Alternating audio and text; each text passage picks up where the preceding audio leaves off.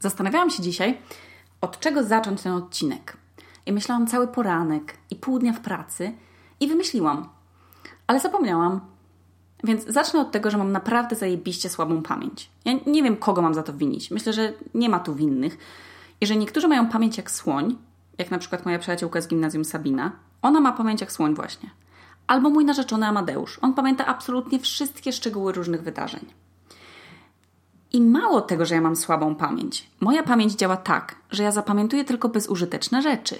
Na przykład jak się w gimnazjum uczyło z podręcznika i była jakaś taka tabelka ważne pojęcia, to ja nie umiałam zapamiętać tych rzeczy z tych ważnych pojęć, ale umiałam zapamiętać jakiś kretyński detal, jakąś nieprzydatną datę albo jakieś nazwisko. I szłam z taką pewnością siebie na tę klasówkę i myślałam wtedy, o, dadzą mi jakiś za to punkt, dostanę walor. A dostawałam oczywiście jakąś nędzną dwójkę, bo to była zupełnie zbyteczna wiedza. I mam wiele anegdot związanych z moim zapamiętywaniem jedynie tych nieprzydatnych rzeczy. Jedna z nich jest taka, że ja przez całe życie byłam święcie przekonana, że znam tylko dwie daty z historii. Bitwę pod Grunwaldem i przywilej Cerekwicko-Nieszawski. Nie mam pojęcia skąd ja go wzięłam. Podejrzewam, że jeszcze jakoś z podstawówki. Ale wykorzystywałam go jako potwierdzenie mojego talentu do zapamiętywania bzdur. I kiedyś mówię Amadeuszowi, że pamiętam tę datę, on jak zwykle zdziwiony, czemu ja to pamiętam, a ja już mam przećwiczoną tę anegdotę, 100 tysięcy razy ją opowiadałam, więc już wiedziałam, że on będzie zdziwiony. No i opowiadam mu cały ten wszechświat rzeczy, o których nie umiem zapamiętać, a on mnie nagle przerywa i mówi, poczekaj, ty źle pamiętasz ten przywilej. To nie było wtedy, to było w 1454. Także, kochani, znam tylko bitwę pod Grunwaldem i tak mi Amadeusz zbił moją historię. Ale nie zbił mi tej umiejętności, bo ja nadal kultywuję zapamiętywanie tylko tych niepotrzebnych rzeczy. Na przykład w islandzkim. Nauka języka, w którym nic nie brzmi jak coś, co ty już znasz i co możesz sobie z czymś skojarzyć, jest męczarnią. Islandzki nie łączy się dla mnie z niczym. Te, te wyrazy są jak czkawka. Są jak te tłuste, ogromne wzory z chemii, chem, te, te wzory chemiczne, których musiałam się uczyć na pamięć na studiach. A przypomnę, że ja się nie mogę nazywać absolwentką. Więc wiecie, z jakim skutkiem się ich nauczyłam? Z beznadziejnym. Więc wracając do słów. Nauka islandzkiego jest u mnie tak wybiórcza, jak nauka dat. Ja umiem się już dogadać, ale czasem muszę się strasznie nagimnastykować i używać kreatywnych rozwiązań. Na przykład umiem poprosić o kawę, ale nie umiem spytać, czemu tak wolno z tą kawą. Natomiast znam słowo ślimak, więc mogę na przykład spytać, czy moja kawa to ślimak? I także moja lista nieprzydatnych islandzkich słów powiększa się stale. Mimo tego, że umiem też już odbyć oczywiście taką prostą rozmowę w taksówce, albo w sklepie, albo z koleżankami w pracy, ale jako, że uwielbiam rzeczy nieprzydatne, to od niedawna w pracy mam też chłopaka z Gambii, jednego z Mali, i oni do siebie mówią w języku bambara. I muszę Wam powiedzieć, że wiedząc, że ten język bambara mi się w życiu do niczego nie przyda, to ja go łapię w lot i ciągle po nich powtarzam. I ten język jest dla mnie tak prosty, że zaraz się okaże, że następnym razem naszej, na, naszą emigrację odbędziemy do Gambii bo już będziemy znać podstawy, jak naucza Amadeusza. Ale do sedna, kochani, to już koniec wtrąceń. Cisnę do sedna. Czyli do tego, że emigracja uczy mnie znowu wielu nieprzydatnych, absolutnie bezsensownych rzeczy, ale uczy mnie też dużo rzeczy, które są dla mnie zaskoczeniem, których nigdy bym się w ogóle nie podejrzewała, że, że, że się czegoś tutaj tak nauczę. Więc opowiem Wam dzisiaj trochę o tym, czego nauczyła mnie emigracja, ale mówię tutaj o świadomej emigracji, czyli nie, że pakuję walizki i jadę zarabiać i co, i co jest ciekawego w Islandii, tylko, że życie jest za krótkie na mieszkanie w jednym miejscu i to nie są moje słowa, tylko Anety. Ja nie jestem taka, taka mądra. Czyli co odkryłam na, na emigracji, czego w ogóle bym się nie spodziewała. Więc to, o czym chciałam Wam dzisiaj powiedzieć, to jest rzecz, której nauczyłam się przez absolutny przypadek, a mianowicie na basenie. I jest taka prawda o Islandczykach, że oni kochają baseny ja sobie zawsze wyobrażałam, że to są takie baseny, wiecie, że macie czepek i okularki i że oni nadgorliwie pływają, tak wyczynowo. Ale jak się tu przeprowadziłam i poszliśmy na basen, to zrozumiałam, że tak naprawdę oni kochają wanny, bo na tych basenach głównie się siedzi w, gorących hotpotach i dyskutuje, a pływa może z pięć osób.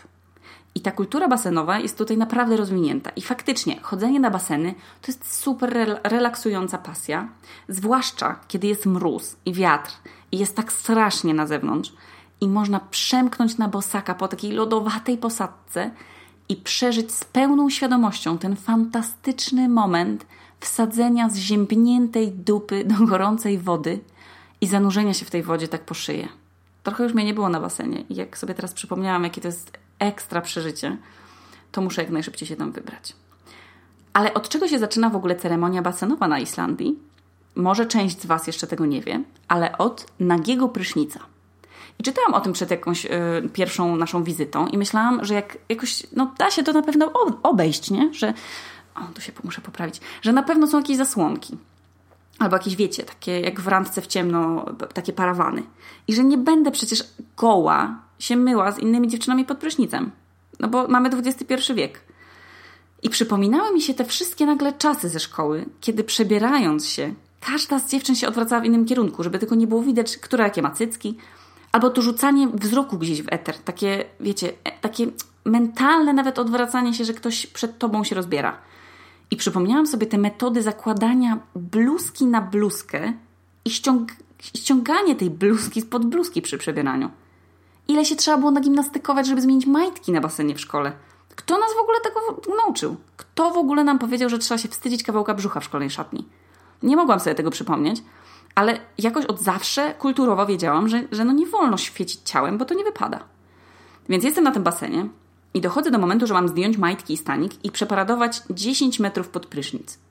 No i, i stoję i myślę, jak to zrobić, żeby zdjąć owinięta w ręcznik majtki już pod prysznicem, jakoś, jakoś szybko włożyć kostium i później te majtki odnieść już w tym kostiumie do szafki. Jak to zrobić w ogóle, żeby nie nachlapać? Bo później ktoś wejdzie skarpetką w mokre. Oraz, czy panie pilnujące, czy wszyscy się tam myją, bo siedzą tam takie dziewczyny, to czy one mi w ogóle pozwolą się cofnąć? Czy nie wyjdę na głupią? Więc postanowiłam zaobserwować, jak robią to islandzkie dziewczyny. No więc trzy przyjaciółki, w tym jedna z matką i młodszą siostrą, miały szafkę obok mnie. I one zrobiły tak, że ze sobą rozmawiały. Każda zdjęła majtki i stanik, wzięła ręcznik, kostium i, i klapki i poszły sobie razem pod prysznicę. No i ja się tutaj poddałam. No, jak to? No, skoro trzy przyjaciółki, i w tym jedna z mamą i z tą młodszą siostrą, bez żadnego skrępowania są przy sobie na golasa, normalnie się obczajają, gdzie która ma pieprzyk, gdzie tam, która ma fałdkę, śmieją się przy tym, to czemu ja, jak jakiś zboczeniec, mam przemykać owinięta ręcznikiem pod prysznic? I w tamtym momencie dokonała się ta wewnętrzna przemiana we mnie. I zdjęłam te majtki, zdjęłam ten biustonosz, wrzuciłam to do szafki, zamknęłam ją i poszłam pod prysznic. I oto kogo tam spotkałam.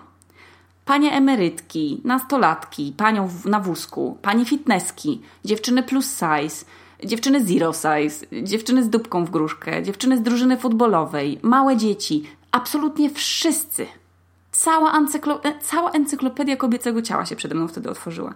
I w tamtym momencie poczułam się, jakbym trochę wkraczała do jakiegoś ekstra klubu.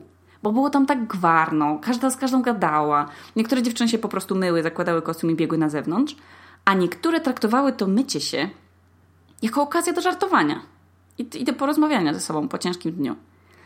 W wieku 24 lat pierwszy raz widziałam tyle gołych dziewczyn naraz. I możecie się teraz pośmiać, że no dobra, to może nie, nie odkryłaś świata porno. Ale serio, pierwszy raz w życiu widziałam, że dziewczyny są super. Że każdy cycek jest inny, każde biodro jest inne. Że to jest w ogóle dziwne, że ktoś stworzył rozmiary ubrań. Bo nie da się zunifikować tylu ciał. To, to przecież to, to było tak wyzwalające doświadczenie, że jak to w ogóle jest, że my się wstydzimy swojego ciała. To jest niepojęte. Rodzimy się na golasa, możemy na golasa biegać po plaży i w którym momencie, którym roku życia nam ktoś mówi, że od teraz musimy nosić kostium? W którym momencie w ogóle nam się wmawia, że my tę bluzkę na WF musimy zmieniać, wkładając bluzkę na bluzkę i odwracając się od siebie? I to było naprawdę wspaniałe. To, to, umyłam się bez żadnego wstydu, bo po tym właśnie można było odróżnić turystki, że one się wstydziły i zasłaniały, a ja umyłam się z dumą, założyłam kostium, a potem pognałam na palcach do zimnej, po tej zimnej posadce i wsadziłam ten mój ten nowy, bezwstydny tyłek do gorącej wody i było to doskonałe przeżycie. I może dla niektórych z Was to, to nie byłoby nic takiego. No ale dla mnie, dla dziewczyny z kompleksami na punkcie ciała, to było na maksa dużo. To było, to było coś, co otworzyło mi oczy że gdybym wcześniej wiedziała, gdybym ja już od dzieciaka wiedziała, jak kobiece ciało się zmienia, jak wyglądają, jak wyglądają piersi, jak mam 20 lat, a jak będą mogły wyglądać po ciąży, a jak gdy będę miała 60 lat. Gdybym ja to wszystko wiedziała, to ja bym o wiele łatwiej zniosła dojrzewanie. Zupełnie inny szacunek do ciała by się miało. I wiedziałam, że wiedziałabym, że ciało może mieć wszystkie kształty i rozmiary I nie tylko te, które ja widzę w gazetach albo gdzieś tam w internecie, na Instagramie, tylko że pod, pod bluzką, pod tą szczupłą bluzką może się kryć taki brzuszek, jak ja mam. To, to, to było super przeżycie, super odkrycie. I jak odwiedzali mnie rodzice, to zabrałam mamę na basen.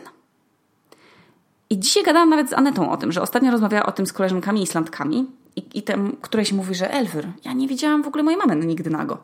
I ta Islandka prawie spadła z krzesła, że jak to jest możliwe, że ty nie widziałaś swojej mamy nago? Swojej mamy! Najbliższej w sumie ci kobiety. I więc jak moi rodzice przyjechali do, y, do, tutaj do nas na Islandię nas odwiedzić, to zabrałam moją mamę na basen. I razem się pod prysznicem wykąpałyśmy na golasa. I to było absolutnie no, super doświadczenie. Takie doświadczenie z kategorii mama-córka i takie doświadczenie z kategorii młoda kobieta. Naprawdę, to, to było naprawdę z rozrzewnieniem teraz wspominam ten dzień.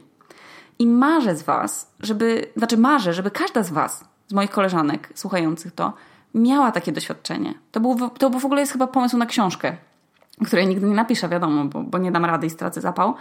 Ale jak są te książki, że tam francuski jedzą ser i piją wino i nie tyją, tylko są szykowne, albo że Duńczycy zapalają świeczki i robią na, i robią na drutach i są spoko, to Islandki nie mają kompleksów. Tak by się nazywała ta książka. I wszystko to, co my chcemy przykryć, to one chcą odkryć. Wszystko to, co my byśmy chciały sobie wyszczuplić, to one podkreślą. I ja to uwielbiam. Wzięłam to od nich i to jest jedna z fajniejszych rzeczy, którą odkryłam tutaj i którą sobie, sobie wzięłam. I zaskoczyło mnie to oczywiście też wiele innych rzeczy, i, ale jak wam to wszystko opowiem dzisiaj, to już nie będę miała co opowiadać w następnych odcinkach z tej serii, a chciałabym ich jeszcze trochę nagrać. No i, i to koniec. Dziękuję Wam bardzo, że wysłuchaliście tych dzisiejszych przemyśleń. Jestem Wam, wam wdzięczna e, za to, że w ogóle mnie słuchacie. No i oczywiście wysłaliście mi bardzo dużo zapytań, na przykład jakimi produktami miałam zrobiony makijaż, albo, albo jakiej firmy jest mój dres. Oczywiście listę e, produktów znajdziecie w opisie pod odcinkiem, ale nie, już tak na poważnie. Bardzo, bardzo mi miło. Jestem bardzo szczęśliwa i wdzięczna za każdy komplement. I mam nadzieję, że ten odcinek znowu umili Wam jakiś niemiły moment w ciągu dnia i że wysłuchacie też następnego. Tak więc tu Okuniewska, wciąż w piwniczce w Reykjaviku, a to był odcinek o odkrywaniu.